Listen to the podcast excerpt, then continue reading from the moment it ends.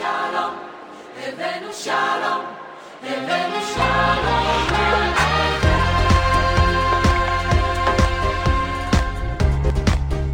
Ya selamat pagi saudaraku Sobat Good News dimanapun saudara berada Selamat berjumpa kembali dengan Good News Radio pagi hari ini Senang saudaraku kita bisa berjumpa kembali Saudaraku pagi hari ini kita kedatangan seorang narasumber yaitu Bapak Karolus yang sebentar akan diperkenalkan oleh host kita Pastor Yakub Cia oleh karena itu saudaraku marilah kita akan segera bergabung bersama dengan host kita Pastor Yakub Cia Selamat pagi Pastor Yakub Ya, selamat pagi Pak Yusak, selamat pagi pendengar radio yang saat ini sedang mendengarkan siaran kita. Haleluya. Baiklah saudaraku kita langsung saja saya serahkan waktu sepenuhnya kepada Pastor Yakub Jaya. Silakan Pak Yakub. Ya, terima kasih semua sobat pendengar radio di mana sedang berada baik dalam perjalanan menuju kantor maupun pada saat ini sedang uh, mendengarkan di rumah siaran radio ini kiranya boleh memberkati kita. Orkestra, obrolan ringan, kesehatan dan kesejahteraan kita yang saat ini kita akan ngobrol dengan seorang pria yang luar biasa, hidupnya mengalami mujizat Tuhan, yang di mana beliau akan menyaksikan bagaimana Tuhan ikut turut campur tangan dalam kehidupannya. Saya akan langsung saja uh, menyapa beliau yang sudah ada di tengah kita. Selamat pagi Pak Karolus, apa kabarnya? Selamat pagi Pak, luar biasa Pak. Oke, puji Tuhan. Sehat ya Pak? Puji Tuhan Pak. Amin.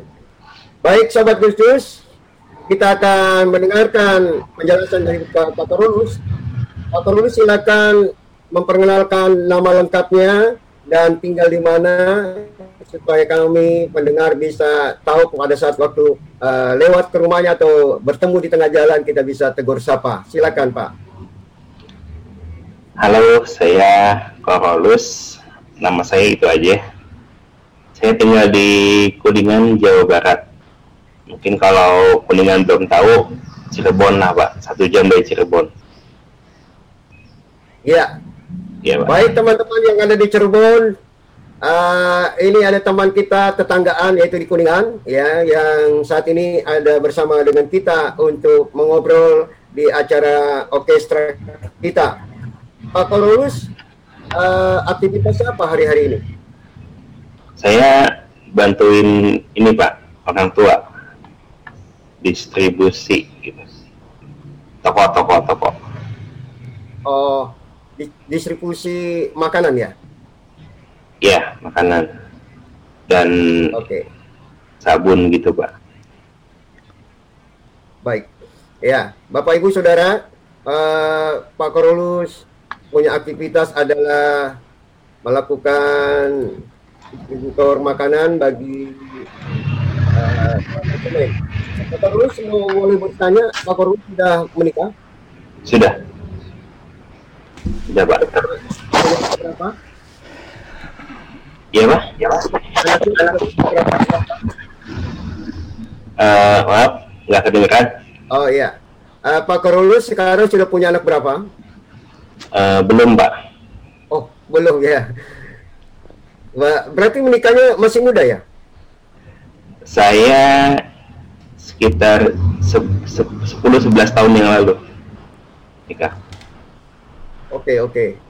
Berarti sudah cukup lama juga ya, tapi belum dikaruniakan. Ya kita percaya Tuhan akan kirimkan kerinduan seorang uh, rumah tangga untuk punya anak ya. Tuhan akan menolong.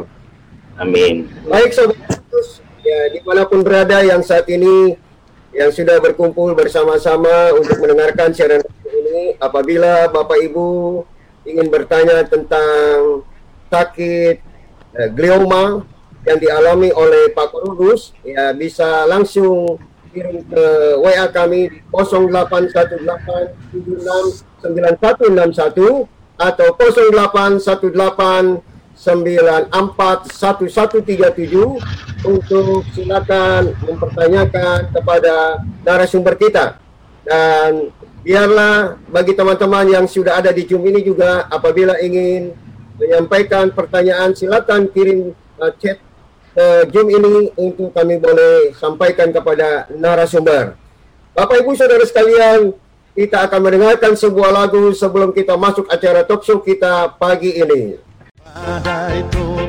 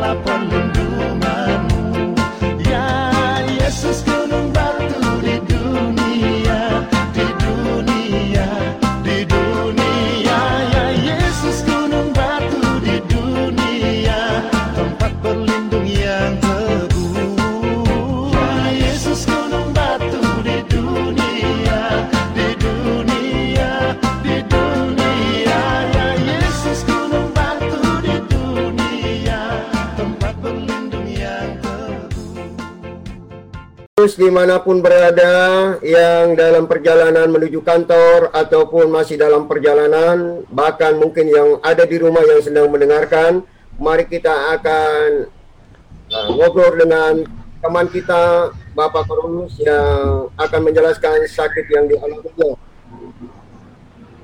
Bapak Korunus mengalami sakit yang namanya kanker glioma. Maka dengan itu kita akan mendengarkan penjelasan dari beliau. Pak Korunus bisa jelaskan apa yang dimaksud kanker glioma? Eh, mungkin gini dulu Pak, saya saya juga nggak tahu ya apa perbedaan tumor dan kanker. Tapi waktu ketika saya dideteksi pertama kali, dokter tuh bilangnya tumor gitu. Nah, saya juga nggak tahu bedanya apa. Tapi ya, ya kalau saya sih gini aja Pak, saya udah sakit, mau itu kanker atau enggak, tapi sekarang saya sudah eh, beraktivitas normal lagi gitu. Ya. Jadi Pak Korunus uh, percaya saja bahwa sakit yang jalankan itu saja prosedurnya dan tidak tahu apakah ini uh, namanya tumor atau kanker itu tidak Pak. Iya Pak. Baik Pak Korunus bisa jelaskan sakit yang Bapak alami kami dengar ada dua kali operasi. Bagaimana ceritanya? Bisa jelaskan? Eh, Ya, Pak Yakub mungkin terputus. saya tuh awal Iya. deteksi itu tahun 2011 itu awal deteksinya namun ke rumah sakit cek segala macam eh, dokter menyatakan untuk wait and see. Jadi di, dilihat perkembangannya. Dokter yang pertama itu menyarankan untuk eh, lihat saja dulu perkembangannya. Karena menurut dugaan dia itu tumornya jinak dan perkembangannya lambat. Saya mencari second opinion, saya mencari ke Singapura juga, cuman dokter di sana bilang untuk segera diangkat. Nah, akhirnya kan ada dua ada dua pendapat yang berbeda. Saya mencari ketiga, opini ketiga di Jakarta juga. Nah, itu dia bilang untuk diangkat. Nah, terus saya eh, dalam keadaan galau waktu itu, akhirnya saya tetap berpegang pada dokter yang pertama, itu di rumah sakit Siloam itu, Pak. Nah, dia yang menenangkan saya bahwa itu tidak apa-apa. Jadi dilihat saja. Dari 2011 saya di ya dengan dengan turun naik turun naiknya keadaan saya karena saya waktu itu gejalanya cuma kejang pak kejang-kejang Nah sempat dikira ayan sampai akhirnya ketemulah bahwa ada ada gumpalan di otak kanan saya. Nah itu sebesar sebesar ini. Akhirnya udah sampai 2016 dengan kejaran saya itu dari 2011 saya mengalami kejang lalu saya telepon dokter saya. Saya disuruh MRI dan akhirnya dokternya bilang ini waktunya. Waktunya untuk dioperasi. Saya nggak percaya bahwa saatnya memang harus operasi gitu. Nah, terus saya, saya saya masih sempat tawar menawar sama dokternya. Ada apa nggak ada tindakan lain selain dibuka atau gimana gitu. Dokternya bilang bahwa saya sudah ngasih range waktu dari 2011 sampai 2016 itu panjang dan waktu itu saya sudah pernah ngomong bahwa kalau tiba saatnya ya harus diambil dia bilang gitu. Inilah saatnya. Itu September 2016 wah stres luar biasa pak saya pak. Dalam bayangan saya itu kepala dibuka otak saya diacak-acak kemudian tutup lagi. Apa yang terjadi ketika saya nggak bisa bangun lagi ketika saya nggak bisa ingat siapa-siapa lagi. Semua kekhawatiran muncul pak. Nah cuman waktu itu saya masih bisa berpikir positif. Untung saya disuruh operasi ketika saya masih bisa berpikir. Gimana saat itu ketika saya disuruh operasi ketika semuanya sudah terlambat. Saya sudah tidak bisa berpikir lagi. Saya sudah tidak bisa apa-apa lagi. Saya tumornya udah membesar dan dan menyebar gitu. Saya yang masih bersyukur di situ saya masih bisa berpikir bahwa ini belum terlambat. Nah saya kebenaran juga punya Facebook. Saya buka Facebook. Lalu saya gabung tuh pak di grup cancer dan tumor. Kebetulan di sana pendirinya juga uh, tumor otak. Nah jadi kebanyakan yang anggota di sana itu tumor otak. Nah akhirnya beliau juga sudah meninggal sih pendirinya itu. Lalu saya kenalan di situ dengan ibu-ibu setengah baya uh, beliau mengalami sakit yang sama dengan posisinya yang sama di kanan depan. Lalu dokternya juga sama dengan yang nanganin saya. Uh, dia ngasih blog ke saya. Saya baca blognya dia itu kronologisnya dia tindakan dari prosedur sampai proses recovery-nya beliau ungkapkan di situ. Nah, terus saya uh, mic-nya mic-nya tolong diaktifkan Pak Karolus. Ya, sampai mana tadi Pak? Uh, ya, ya gini, saya akhirnya uh, saya kenalan sama ibu bayar beliau mengalami sakit dan dihandle oleh do dokter yang sama dengan saya.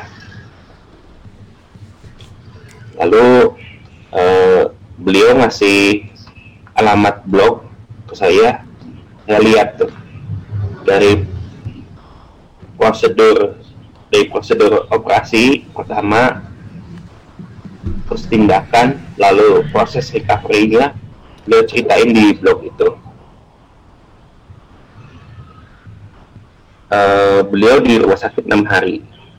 Nah, terus saya saya mikirnya gini, kalau ibu ini bisa, ya saya juga harus bisa. saya ambil standar yang sama dengan ibu itu Eh ini ya udah saya saya saya udah saya saya ikut deh akhirnya saya eh, hubungin dokter saya saya minta jadwalkan.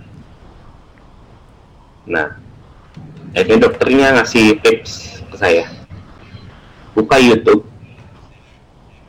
Lalu cari tentang kraniotomi bedah otak.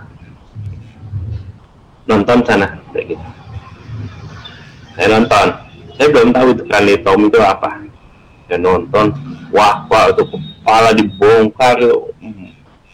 Mu- muntah saya pak tapi saya nonton sekali dua kali tiga kali semuanya jadi biasa.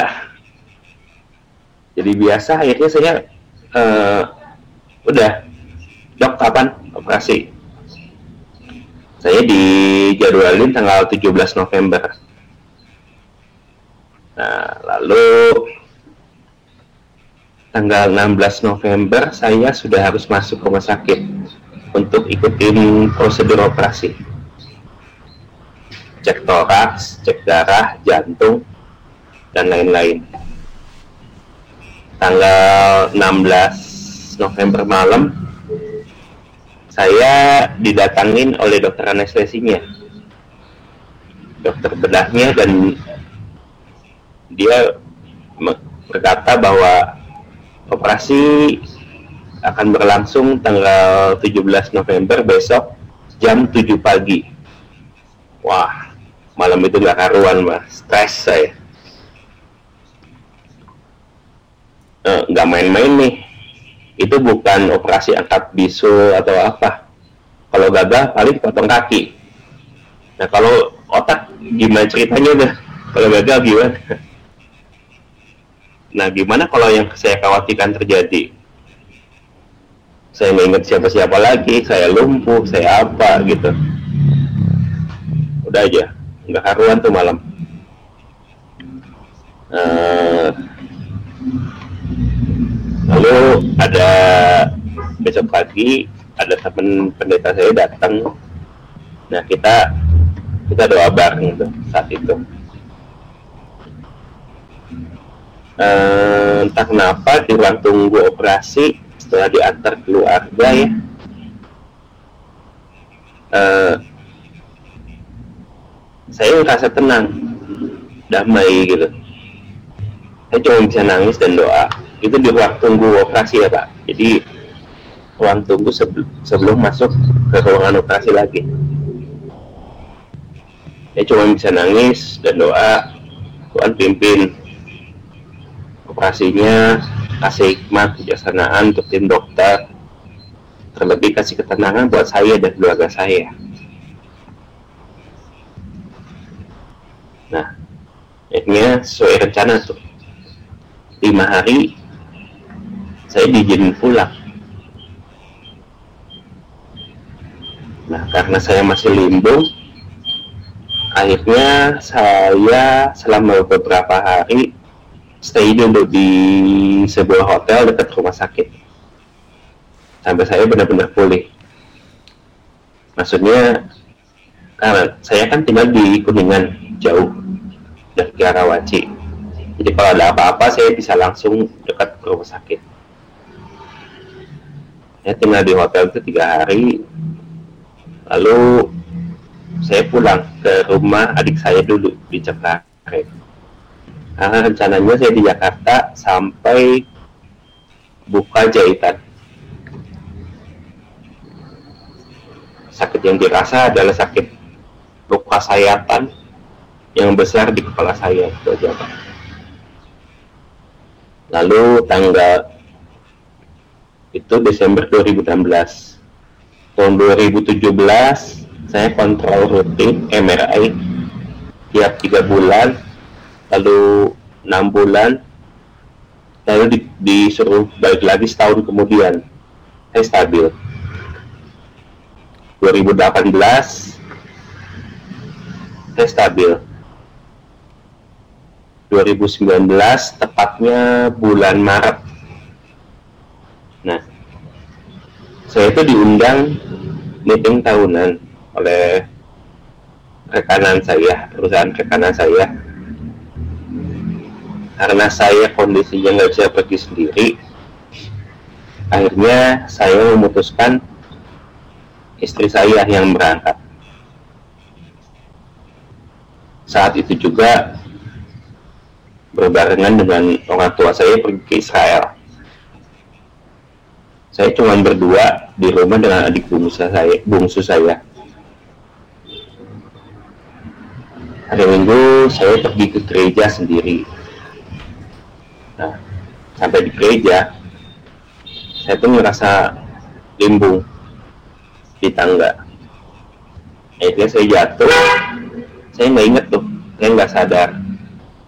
Nah, ketika sadar, saya udah di mobil, di perjalanan di gereja. Waktu saya ditemenin oleh Pak Iing, suaminya Bu Teti diceritakan bahwa saya jatuh di tangga. Nah, kalau itu saya ingat, karena saya merasa limbung di tangga. Itulah pertama kali saya bisa merasakan gejala sebelum kejang. Saya dijahit di sini pelipis kanan. Istri saya sedang di luar negeri. Orang tua saya sedang di Israel. Di rumah cuma saya dan adik buku saya akhirnya diputuskan untuk nginep dulu Pak di rumah sakit sambil observasi. Lalu bulan April, tadi Maret, sekarang April, saya laporan ke dokter dan disuruh MRI lagi. Setelah hasil dibacakan, saya disuruh operasi lagi Pak 2 karena ada tumbuh tumbuh lagi di sekitar operasi yang pertama. Kita cerita Mei 2019. Ini diputuskan saya minta jadwal. Dikasih tanggal 2 Mei. Nah, proses perawatannya dan recovery-nya hampir sama dengan yang pertama uh, mungkin sekedar tahu ya Pak ini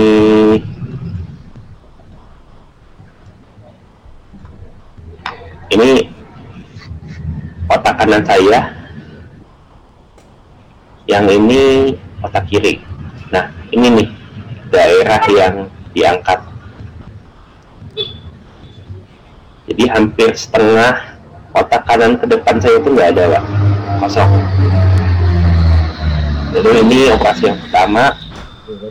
Ini tumornya ada dua dua labu dua tabung.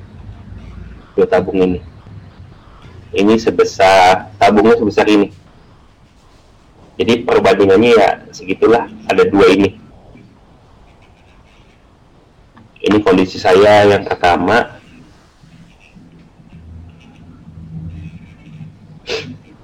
Nah ini lupanya dari tengah ke ini.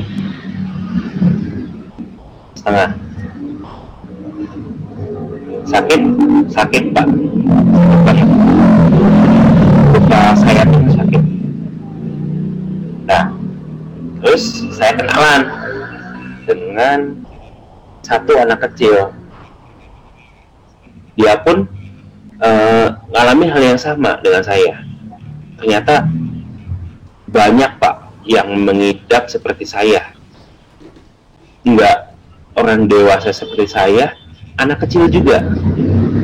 Coba bayangkan anak sebesar ini uh, ngalami rasa sakit yang sama kayak saya gitu. Saya nggak bisa bayangin. Anaknya kecil belum bisa ngomong. Cuman uh, dia udah udah nggak ada sekarang. Ya itulah ini proses ambil jahitan nah ini operasi kedua yang masih di ICU saya kira seperti ini. Nah ini akhirnya setelah tumbuh rambut lagi itu seperti ini.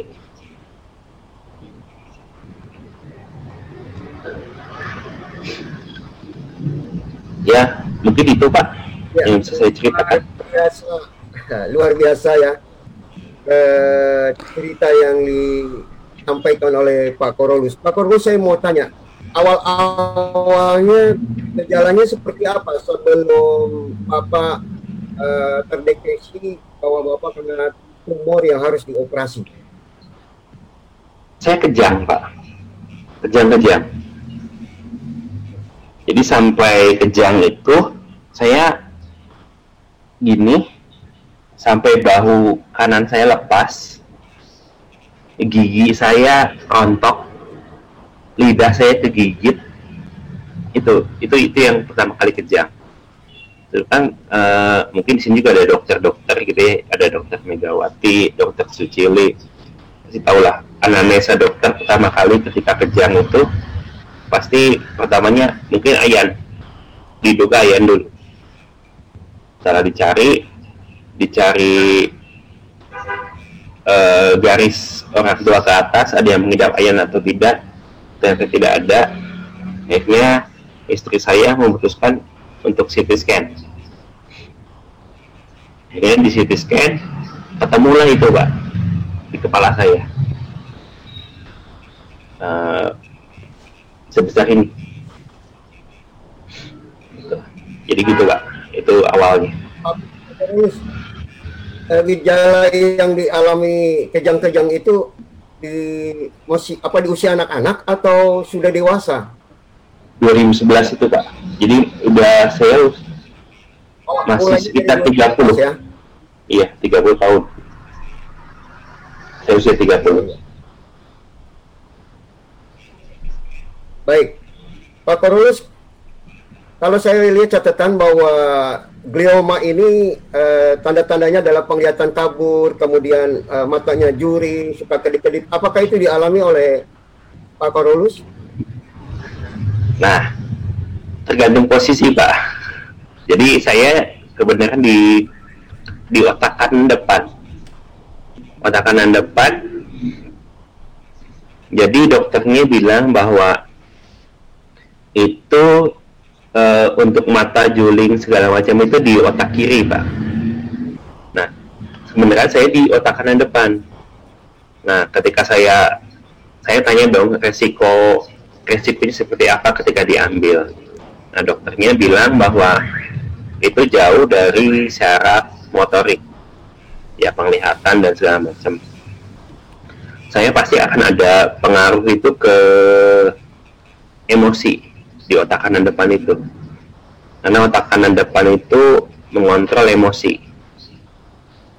Saya bilang, seperti apa Pak? Seperti apa dokter? Nah saya eh, dokternya bilang ya mungkin eh, saya bisa tiba-tiba nangis, tiba-tiba sedih, tiba-tiba ketawa. Itu yang ber, ber- jadi apa ya berhubungan dengan emosi seperti itu. Ya. Pak selain operasi, apakah ada tindakan sinar dan kemo? Eh, operasi pertama tuh nggak ada. Setelah operasi kedua, saya dianjurkan untuk prosedur kemoterapi. Saya kemo itu enam kali pak, enam kali, dan itu dilakukan sebulan sekali. Kemonya ada dua macam, yang satu oral minum, yang satu lagi eh, infus. Ya. Jadi tidak ada tindakan lain ya selain lakukan secara medis ya, tidak pakai obat herbal begitu. Eh, herbal awal-awal iya, karena saya masih takut. Tapi sampai sekarang masih pakai obat herbal atau obat medis? Eh, medisnya, jadi gini pak, sebenarnya saya dikasih obatnya cuma satu pak, obat kejang, anti kejang. Setelah ibu minum obat itu ngantuk pak, mungkin dokter sini tahu ya ada ada dokter juga di sini. Itu penitoin ikapen. Itu kalau minum satu aja itu ngantuk sekali obatnya itu Obat, obat itu memang dibuat suruh tidur ya. ya, luar biasa. Ya, sobat khusus di mana pun berada, hari ini ada uh, chat yang saya akan bacakan dulu terlebih dahulu ya dari Dr. Megawati ya katakan salut dengan Pak Korus yang semangat walaupun awalnya belum tahu dan seperti kuat untuk operasi dan menjadi survivor uh, seperti sekarang. Tetap semangat Pak Korulus dan tetap juga uh, menjaga makanan yang bergizi serta cukup vitamin untuk kesehatan dan makan buah yang sehat ya dan jangan stres ya karena kemarin kita sudah bicara tentang stres ya itu yang disampaikan. Nah Pak Korulus ini ada pertanyaan. Bu. Pak Korulus ada pertanyaan. Pelajaran rohani apa yang Bapak terima dari peristiwa terjadi ini? Pelajaran yang Eh. Bapak terima secara rohani. Oh, eh ya itu pak. Kalau mengandalkan kekuatan sendiri, ya saya nggak bisa pak. Itu aja pak. Jadi saya ketika di ruang operasi itu saya udah nggak bisa apa-apa. Saya udah nggak inget apa-apa. Kalau bukan campur tangan Tuhan ya, kayaknya nggak mungkin saya bisa bangun lagi deh gitu pak. Iya. Iya. Berarti ada campur tangan Tuhan yang membuat Pak Korulus sampai saat ini masih bisa sehat dan bisa menjadi berkat begitu ya. Iya Bapak pak. Ibu Saudara sekalian, sekali lagi mari kita mau tetap percayakan segala sakit yang kita alami.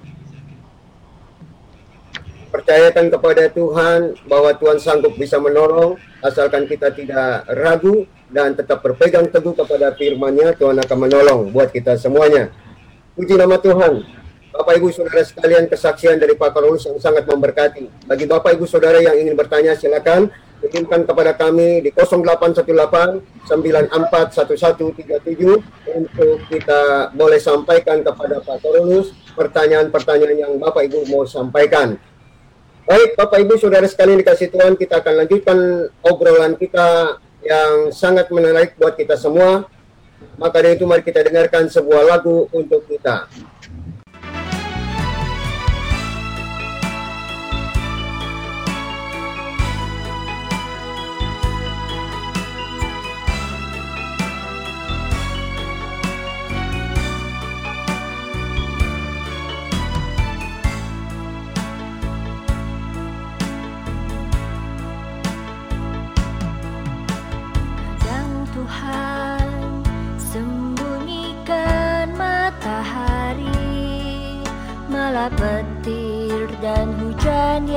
Terjadi. Ku tanya mengapa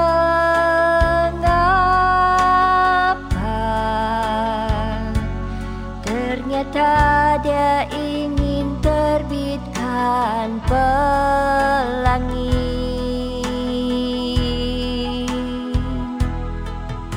Kadang doa kita tiada dikabulkan Walaupun itu baik menurut kita Ku tanya mengapa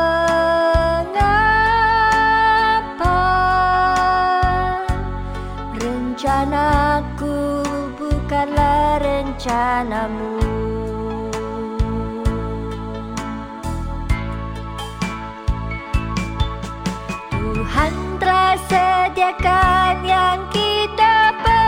开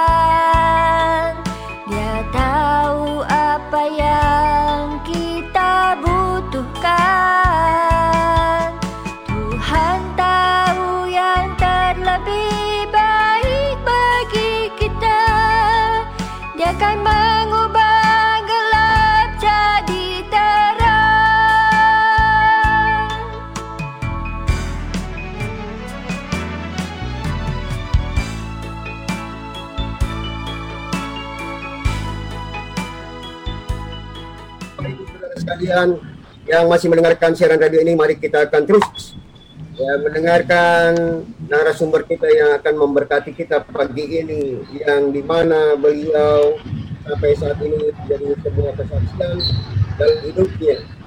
Beliau sudah mengalami dua kali operasi kepala dan saat ini beliau bisa menjadi kesaksian bagi banyak orang.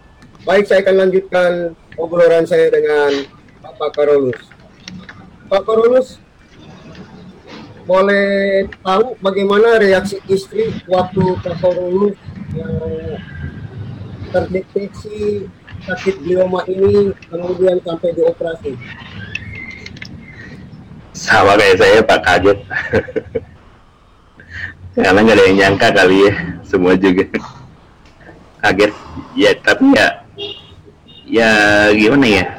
Istri saya tetap dukung saya lalu tetap tetap bantu saya. Jadi akhirnya saya juga merasa ada yang nemenin gitu pak. Ya ya gitu pak.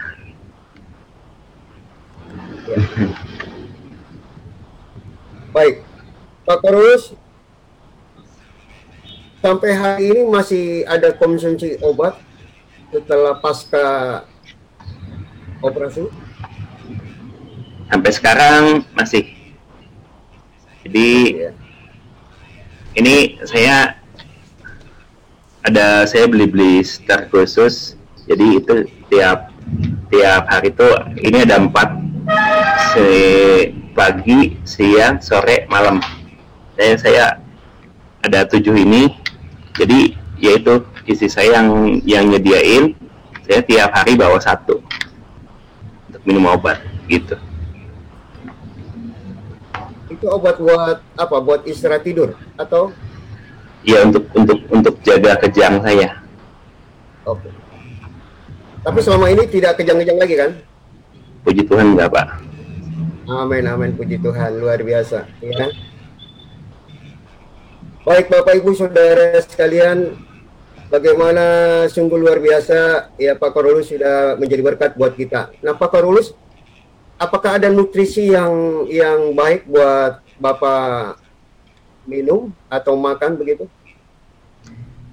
eh kalau dokter sih tidak menyarankan nah cuman saya ya akhirnya saya cari-cari sendiri di internet bahwa ya saya juga dengar sih Pak dari beberapa orang gitu ya kurangi daging merah seperti daging sapi gitu kaki empat ya saya ikutin itu aja meskipun saya nggak tahu juga Ya, baik. Eh, Pak Karolus ini ada pertanyaan dari Dokter Sicili. Ada gejala sisa post-op hingga sekarang, misalnya spek begitu? sis Eh, oke saya baca. Gejala sisa sesudah operasi hingga sekarang eh, nggak ada bu. Jadi saya eh, normal seperti biasa. Cuman mungkin emosi saya terganggu. Saya kadang-kadang untuk hal sepele aja saya bisa bisa marah. Jadi eh, itu itu awal-awal ketika saya belum bisa eh, mengendalikan.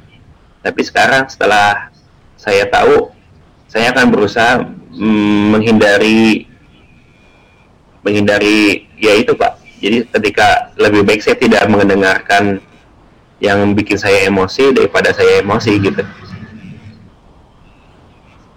Ya, baik. Eh, Karolus ini ada yang bertanya, gejala kejang-kejang itu apa karena faktor jatuh, kebentur sehingga mengalami kejang-kejang? Karena kami punya teman ada yang seperti itu waktu dia mulai jatuh, lalu karena tidak ditangani, lambat laun dia mulai mengalami kejang-kejang. Apakah seperti itu? awalnya 2011 itu saya tidak jatuh tidak apa pak saya saya belum pernah jatuh sampai terbentur kepala saya jadi prosesnya tiba-tiba itu sampai akhirnya saya kan eh, konsultasi sama dokter bahwa gejala kejang itu karena itu pun karena gini Pak, saya memutuskan CT scan karena kejangnya berulang. Dengan tempo waktu yang sangat singkat 5 menit kejang 5 menit kejang. Jadi akhirnya memutuskan untuk CT scan. Nah jadi penjelasan dokter itu seperti ini karena tumornya di otak. Kalau kalau tumornya di tangan atau di mana itu bisa benjol keluar. Nah kalau otak eh, sempit pak. Ada tengkorak di sini. Jadi dia menekan saraf-saraf. Ketika menekan saraf-saraf efeknya mungkin kejang salah satunya. Gitu. Karena tergantung posisi juga. Mungkin kalau posisinya saya ada di sebelah kiri mungkin penglihatan saya yang terganggu mungkin saya lumpuh gitu Ya, luar biasa ya. Sungguh Tuhan baik bagi Pak Korolus yang saat ini. Pak Korolus, apakah faktor ini ada genetik? Eh, kebetulan ketika ditarik garis keturunan itu nggak ada pak Ya, ada ya. Jadi ini memang pengalaman pribadi yang benar-benar Tuhan izinkan supaya Pak Korolus bisa menjadi kesaksian buat bagi banyak orang ya. Dan Betul, pak luar biasa. amin pak Iya. Baik, uh, Pak Korulus, mari berikan pesan-pesan buat para pendengar apa yang Pak Korulus mau sampaikan silakan supaya pendengar bisa uh, waspada tentang sakit yang dialami seperti Pak Korulus. Silakan Pak Korulus.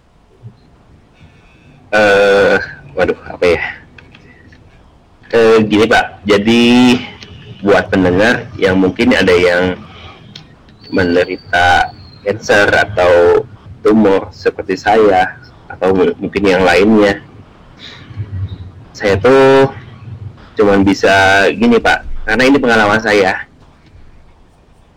Kita terima dulu bahwa kita ada ada penyakit mungkin yang yang kalau boleh dikatakan penyakit ya itu kita terima dulu aja. Bahwa kita ada ada ada gangguan di situ. Selanjutnya ya berserah sama Tuhan. Lalu berpikir positif. Lalu hmm, ya udah jaga kesehatan jaga makanan. Karena saya Ya. saya sebelumnya jorok pak apa aja dimakan saya sampai ketika jadi berpikiran positif saya seperti ini. Eh, ketika dalam perjalanan dari ke rumah sakit mau operasi saya tuh lihat Jakarta tuh gedung-gedungnya tinggi. Lalu banyak banyak eh, apa tuh peralatan canggih dan segala macam. Kalau mereka bisa bikin gedung tinggi kayak gitu bisa bikin peralatan canggih kayak gitu masa sih saya nggak bisa dioperasi saya bilang gitu itu untuk menguatkan pribadi saya saja Ya. tapi ya udah akhirnya sudah kejadian itu pak Baik, Pak Korulus ini ada pertanyaan. Bagaimana dengan daya ingat? Apakah ada pengaruhnya Pak Korulus daya ingatnya? Ah, ada, ada, ada. Jadi eh, itu setelah eh, setelah waktu sebelum operasi dokter bilang bahwa mungkin ada penurunan daya ingat, tapi lebih ke short term, jangka pendek, short term memory saya. Jadi kalau misalnya saya jam 8 kurang 15, saya bisa lupa tuh, Pak. Tadi malam saya makan apa? Kalau sudah jam 12 siang saya saya, saya bisa lupa. Tadi pagi saya udah mandi atau belum? Itu itu. Itu yang yang saya rasakan sekarang. Ya, jadi eh, masih ada faktor daya ingat yang berkurang begitu ya? Iya. Yang dialami. Baik. maksudnya puji Tuhan ya masih ingat istri saya siapa ya, itu yang penting jangan sampai lupa istrinya. iya Baik, saya saya izinkan buat yang di Zoom kalau ingin mau bertanya kepada narasumber kita uh, satu persatu boleh ya, tapi jangan berbarengan. Izinkan salah satu saja dulu. Kalau ada yang mau bertanya silakan kepada narasumber. Saya izinkan buat yang ada di Zoom. Silakan. Baik. kalau tidak ada yang di Zoom ini bertanya, uh, kita akan mendengar sebuah lagu kembali sebelum kita akan tutup ya acara kita pada pagi ini dengan narasumber yang sangat memberkati. Sekali lagi saya mengucapkan terima kasih buat para pendengar yang sudah mendengarkan bagaimana pengalaman Korulus yang dua kali mengalami operasi satu tumor otak yang saat ini dialami oleh beliau dan kita bisa melihat beliau sangat luar biasa diberkati. Sampai saat ini beliau masih sehat dan beliau masih bisa menjadi kesaksian buat bagi banyak orang. Pertolongan Tuhan sungguh ajaib dalam kehidupannya. Dan biarlah kita mau terus ya menjaga kesehatan kita eh, sebaik mungkin ya. Mari kita atur ya kesehatan kita dengan protokol-protokol kesehatan yang sudah terus kita jalankan makan yang sehat, makan buah yang segar dan terus mengatur pola makan kita ya. Karena tadi Pak Paulus katakan awal-awalnya beliau mengalami sakit ini disebabkan karena faktor makan yang tidak teratur ya artinya makan sembarangan yang tidak sehat ya yang luar biasa. Di sini ada chat yang menyampaikan kepada Ibu Matria, dia katakan, wah semangat Pak Karolus luar biasa. Makasih untuk inspirasi kita para pendengar. Ya, baik itu yang saya sampaikan. Terima kasih sekali lagi buat semua para pendengar yang saat ini sudah bersama dengan kita. Dan mari kita dengarkan sebuah lagu buat kita semua dan Tuhan memberkati.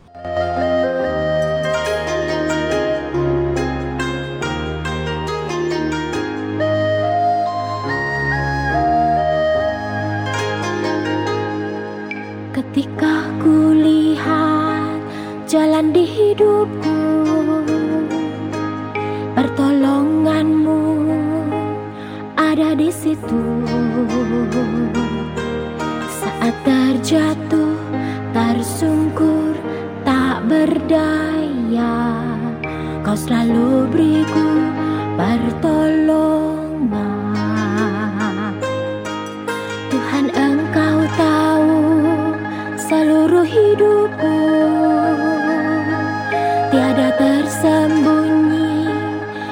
hadapanmu. Aku tersayang